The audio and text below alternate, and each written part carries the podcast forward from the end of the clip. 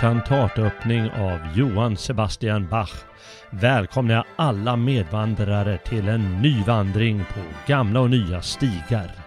Bach har nämligen en liten roll i dagens vandring, även om den går längs svensk patriotism.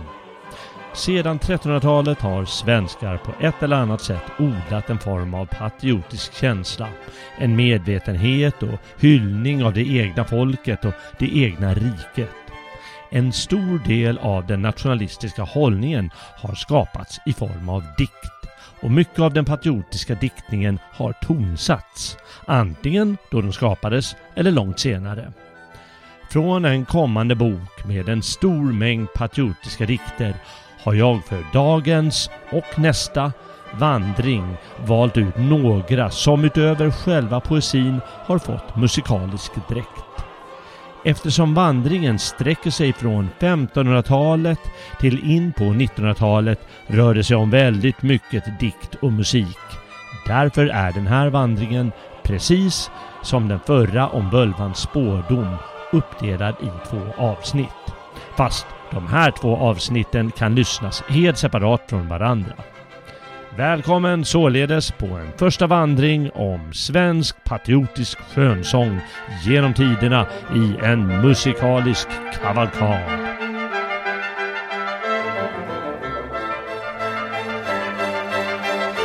Jag håller just på att slutföra ett projekt där jag har valt ut och samlat ett stort antal patriotiska svenska dikter för en bok.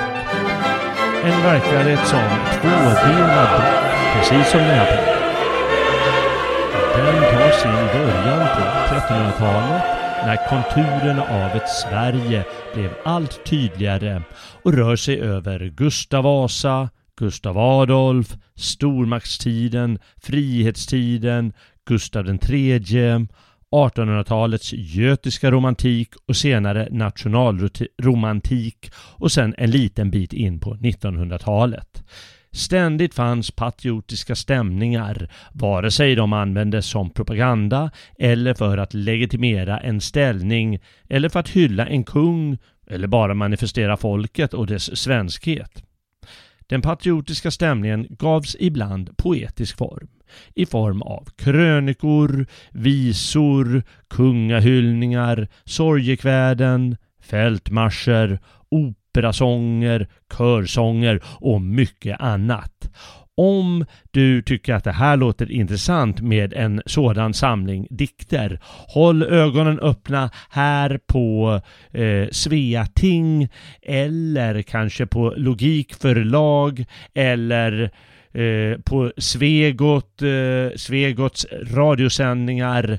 Då kommer du kunna se var du kan köpa boken. Titeln är nämligen inte fastställd än så jag kan inte ge exakt, eh, jag, jag, kan inte säga eh, hur du ska hitta den annars. Håll bara ögonen öppna, bäst här på Svea ting. I den här första vandringen tittar vi på några sådana dikter med musik från 1500-talet fram till 1700-talet. Nästa vandring blir således 1800 och 1900-talet.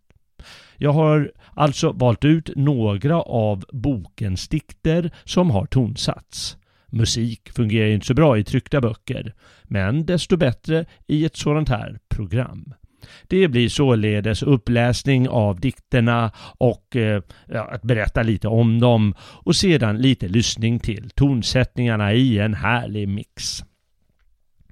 Först ut är den gamla balladen Gustav Vasa och dalkarlarna.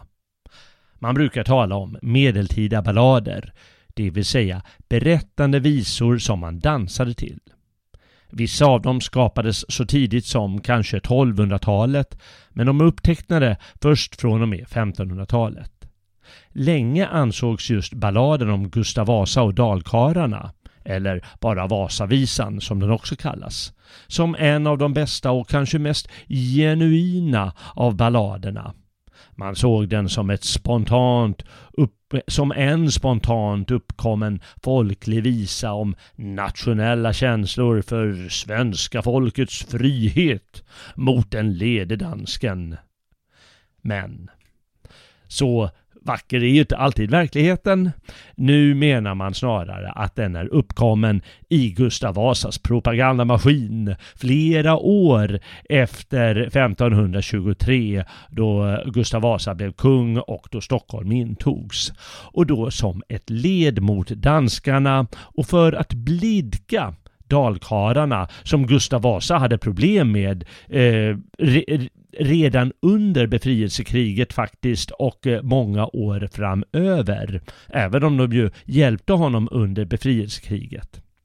Således är det eh, inte en visa uppkommen ur folkdjupet utan det, den är troligen en omarbetning av en tidigare visa om Stockholms belägring som, som skedde tidigare i historien.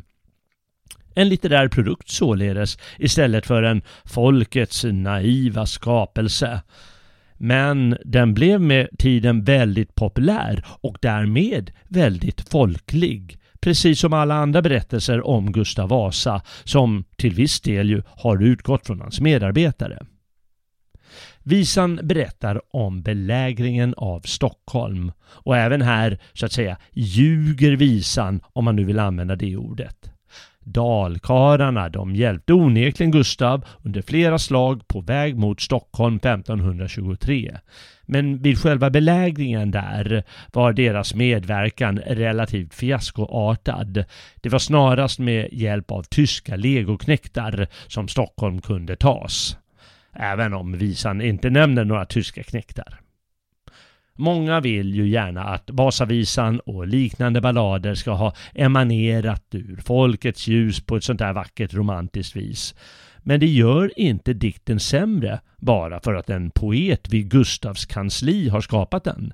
Vi älskar ju berättelserna om Gustav Vasas äventyr under frihetskriget även om det mesta är skapat av Peder Svart. Visan finns i flera versioner.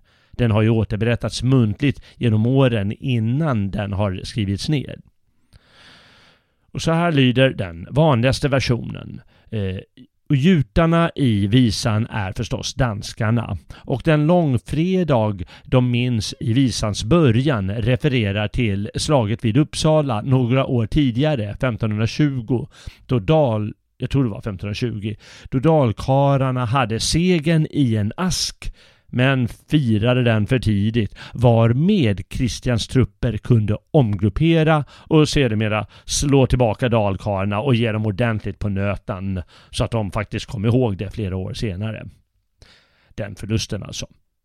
Vanligtvis upprepas i visan eh, en rad och det, det sker då i den första eh, lilla strofen, det kommer ni att höra. Eh, och eh, det sker genom hela sången. Men eh, det kommer inte jag göra när jag, eh, när jag läser dikten nu, för det blir lite enformigt. Eh, utan bara på ett par, tre ställen när upprepningen inte är ordagrann utan varierar orden och lägger till något annat. Eh, några andra förklaringar värda att eh, nämna, det, det säger jag under, eh, under det att jag läser upp dikten. Det blir bäst så. Och så här lyder den alltså.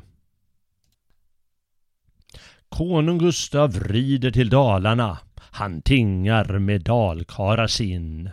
Men Kristian ligger för Södermalm, han äter stulen svin. Kristian sitter i Stockholm och dricker både mjöd och vin. Hörre ni, mina dalkarar, allt vad jag bjuder på. Viljen ni mig följa till Stockholm och slå dem ov? Då svarade de dalekarar, de svarade alla i sänder. Det stod ett slag om långfredag, vi minnes det alla än. Så svarade och konung Gustav, han svarade för sig så. Vi bedja Gud fader i himmelrik, oss må nu full bättre gå.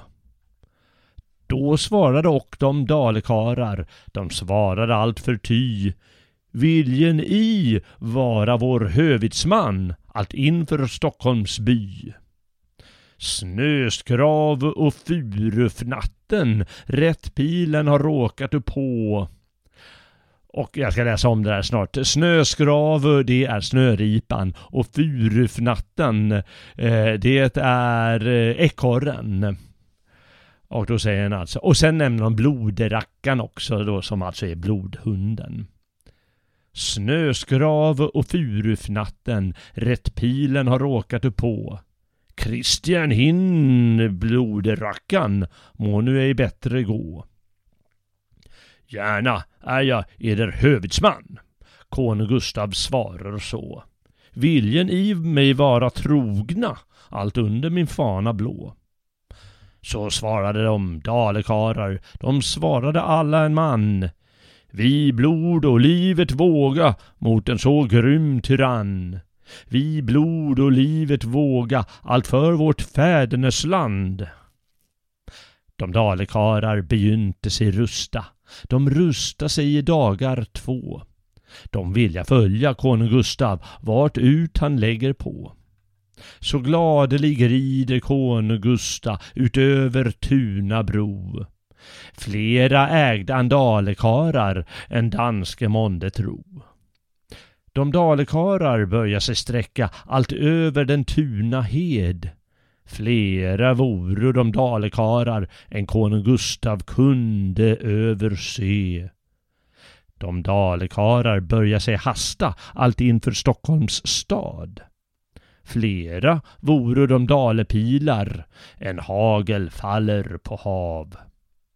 De dalekarar började vanka allt inför Stockholms by. Fast flera voro de dalepilar, en hagel faller av sky. De dalekarar begynte att skjuta, de sköto och all en man. Tjockare röko de dalepilar än sanden på sjöas strand. De dalekarar månde så skämta och pilarna hava sin gång. Två judar buro den tredje upp på sin spetsestång.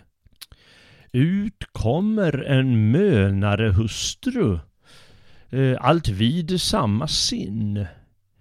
De säckar är malna, vi dragen i dem här in. Alltså varför drar ni dem in här? De är icke malna säckar fast i nu sägen så. Det är den ypperste jute som stod på malmen igår. Det är vår fattiga jute som stod för pilen igår.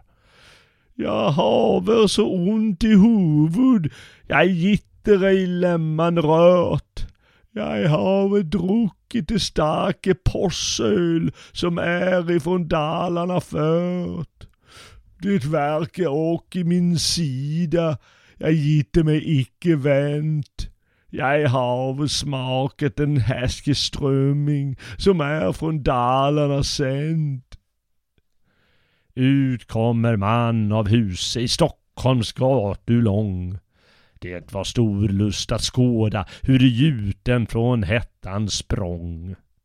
Det var en ryttare Erik, så skria han som fler Herregud nåde oss jutar, vi se ej Jutland mer. Konung Gustav rider på högan häst, i fältet av och an. Tacka vill jag mina dalekarar för eder trohet sann. I haven med mig ståndigt som trogne svenske män.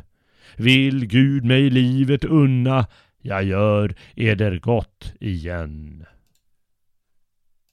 Och så här låter en tonsättning av dikten av en nutida trubadur vid namn William Sundman Säv. Fast melodin själv är gammal, den användes fordom för visan i fråga.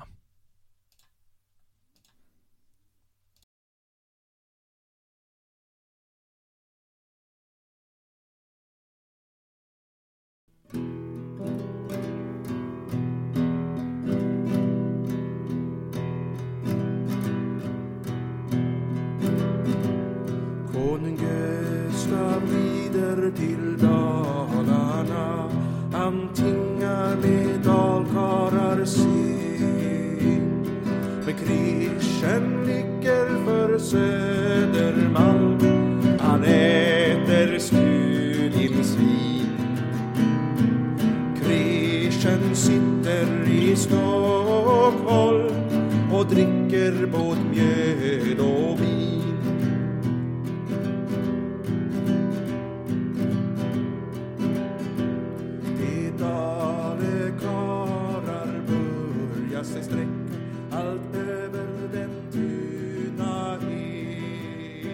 Har lyssnat på en del av ett avsnitt av På gamla och nya stigar som ges ut på sajten sveating.se. Vill du höra hela avsnittet? Teckna då en prenumeration genom att gå in på www.sveating.se och klicka på prenumerera.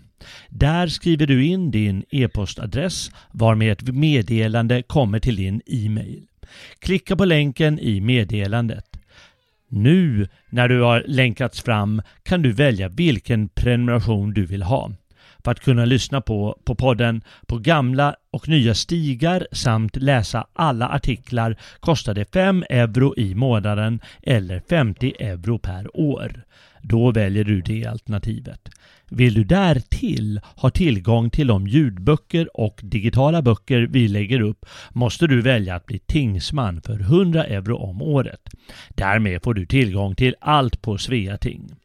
Vi hoppas att få se dig på Sveating och förstås på stigarna framöver.